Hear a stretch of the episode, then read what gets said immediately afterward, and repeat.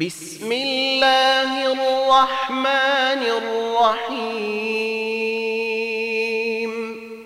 قل أعوذ برب الفلق من شر ما خلق ومن شر غاسق إذا وقب ومن شر النفاثات في العقد ومن شر حاسد اذا حسد